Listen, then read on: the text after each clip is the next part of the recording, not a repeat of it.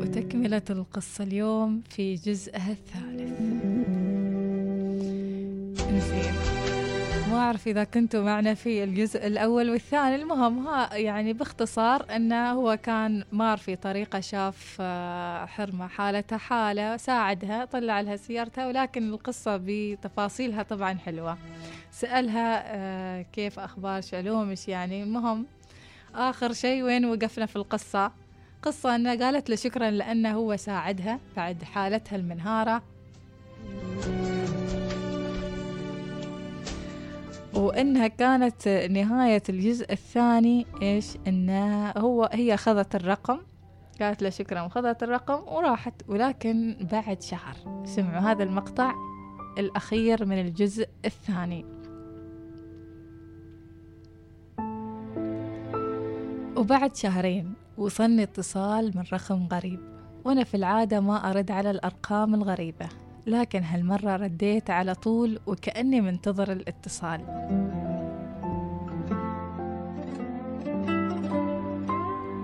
ألو السلام عليكم. أنا فلانة. الحرمة اللي ساعدتها تاريخ 30 يوليو 2012 في شارع نقط نقط نقط. هني كانت نهاية الجزء الثاني. خلونا نبدأ في الجزء الثالث. بعد الألو قال عرفتني الفتاة على نفسها وأسرتها وعملها وطلبت مني مساعدتها في موضوع كان السبب في اللي حصل لها يوم الحادثة يا ترى إيش قالت له؟ قالت له أنا سيدة متزوجة منذ سنتين وزوجي رجل محترم وطيب ويقرب لي وتزوجنا بعد عن قناعة مشتركة لكن للأسف نعاني حاليا من مشكلة ممكن تكون سبب في نهاية زواجنا. قلت له احكي لي وبإذن الله أكون سبب في حل هذه المشكلة وتخفيف حدتها وما بقصر معاك باللي أقدر عليه. قالت كنا سمنة على عسل. في الأشهر الأولى سافرنا عدة دول استمتعنا حبينا بعض ووعدنا بعض بعضنا البعض إن ما نفترق مهما حصل ومهما صار. أنا كنت فتاة بريئة في مقتبل العمر وبحكم طبيعة عائلتي المحافظة ما دخلت في أي علاقة عاطفية قبل الزواج. استمريت أتعامل مع الناس بعفويتي وبراءتي إلى لين تزوجت. وباختصار حبيت زوجتي زوجي. ووجدت نصفي الثاني في الحياة لأنه ملك كل مشاعري ملك أحاسيسي بعد ما أشبعني بأحاسيسه وعواطفه. لكن الحلو ما يكمل للأسف لأن الناس ما يتركوا حد في حاله وخاصة الأقارب. والأقارب مثل ما تعرف عقارب واللي حصل إن المشاكل حصلت بعد الشهر السادس من الزواج بسبب تأخر الإنجاب وفق اعتقادهم فعلا. ستة أشهر بعد ولا شيء. كنا نسمع كلام كثير من قريب ومن بعيد. كان الكلام مسموم ومؤذي ويحمل تفاسير بغيضة ومميتة وكل يوم الكلام يزيد ويكثر ويؤلم. بحكم حبنا وعهدنا قاومنا كل شيء وتعاهدنا من جديد إن ما نسمح لأي حد يخرب علاقتنا أو يبدد سعادتنا. يكمل القصة ويقول كانت تقول كنا صامدين لين ما انتهت السنة الأولى من الزواج واللي صار فيها شي غريب ما توقعناه.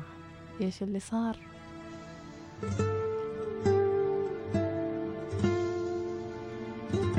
طلبت عائلة زوجي إنهم يجتمعون فينا وفعلا تم الاجتماع. وطرح الموضوع بصورة علنية وطلبوا منا تفسير. كنا مصدومين من المفاجأة ما قدرنا نرد رغم أن في أول سنة زواج. خفوا عليهم شوية. كانت الفتاة تحكي لي ومشاعر الحزن والألم واضحة في نبرة صوتها. كانت ما بين الدقيقة والثانية توقف تتوقف. كنت أشعر بغصتها ومعاناتها وضيقها وحزنها. كنت أختلق عذار كل عشر دقائق وأطلب منها توقف المكالمة علشان أعطيها فرصة تبكي لأني كنت عارف إنها بحاجة إنها تطلع كل حزنها عن طريق هالبكاء. أثناء الحوار تنهدت تنهيدة قوية وقالت بصوت عالي لا تفتكر أن معاناتي ومشكلتي في عدم الإنجاب مشكلتي ومعاناتي أكبر من كذي بكثير. وعلشان أخبرك لازم أتأكد أنك أن عندك الرغبة في أنك تستمع وقدرة على الصبر. وإنك تقدر إنك تحصل لي الحل المناسب.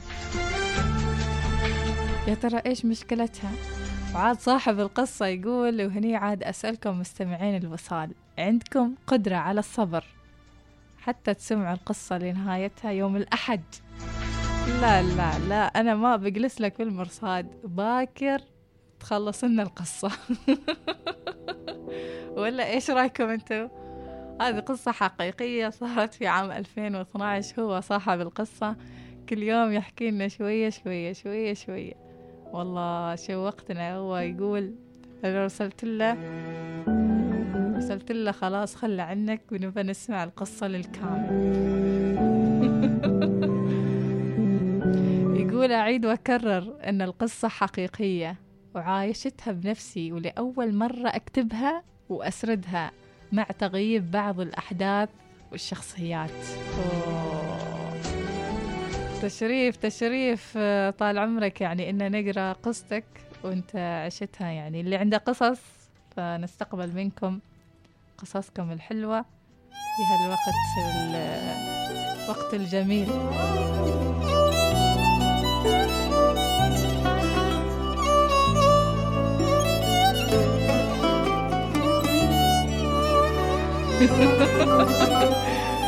بنقول له خلاص باكر اختصرنا القصة وبنهيها باكر. إيش رأيكم؟ ونقول له يبنا قصة غير. يقول أبوي معذرين ما نبى شيء. شفت كيف؟ توزين كذي. جيتني صدفة انتظرها يا محاسن هالصداف أجمل صدوف الليالي اللي مرت واعترف شفتك وشفت السعادة.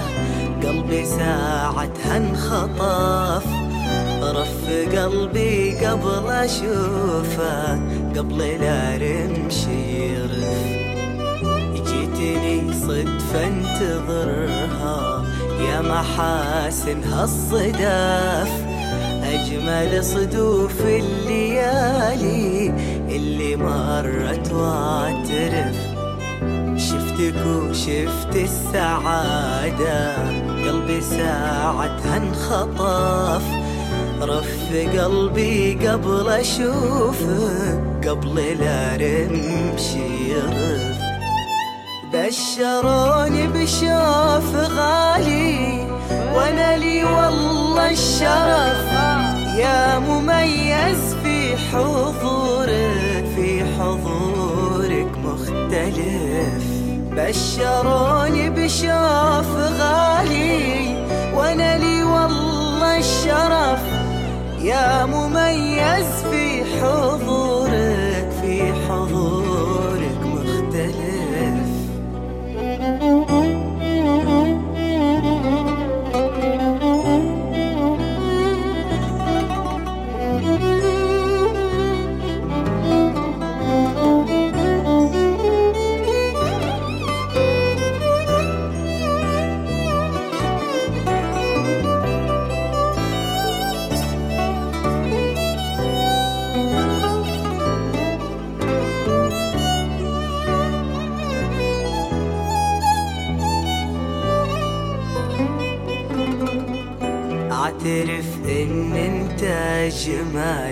واغلى من قلبي عرف. خلي قلبي يرتوي بك حب قبل إنه يجف. ممتلي وجهك عذوبة ممتلي حسنك ترف. مالك أشباه بوصوفك فيك يحتار الوصف. أعترف إن أنت جمال واغلى من قلبي عرف. خلي قلبي يرتوي حب قبل إنه يجف. ممتلي وجهك عذوة ممتلي حسنك ترف. مالك أشباه بوصوفك فيك يحتار الوصف. بشروني بشوف غالي وأنا لي والله الشرف. يا مميز في حضورك في حضورك مختلف. بشروني بشوف غالي وأنا لي والله الشرف. يا مميز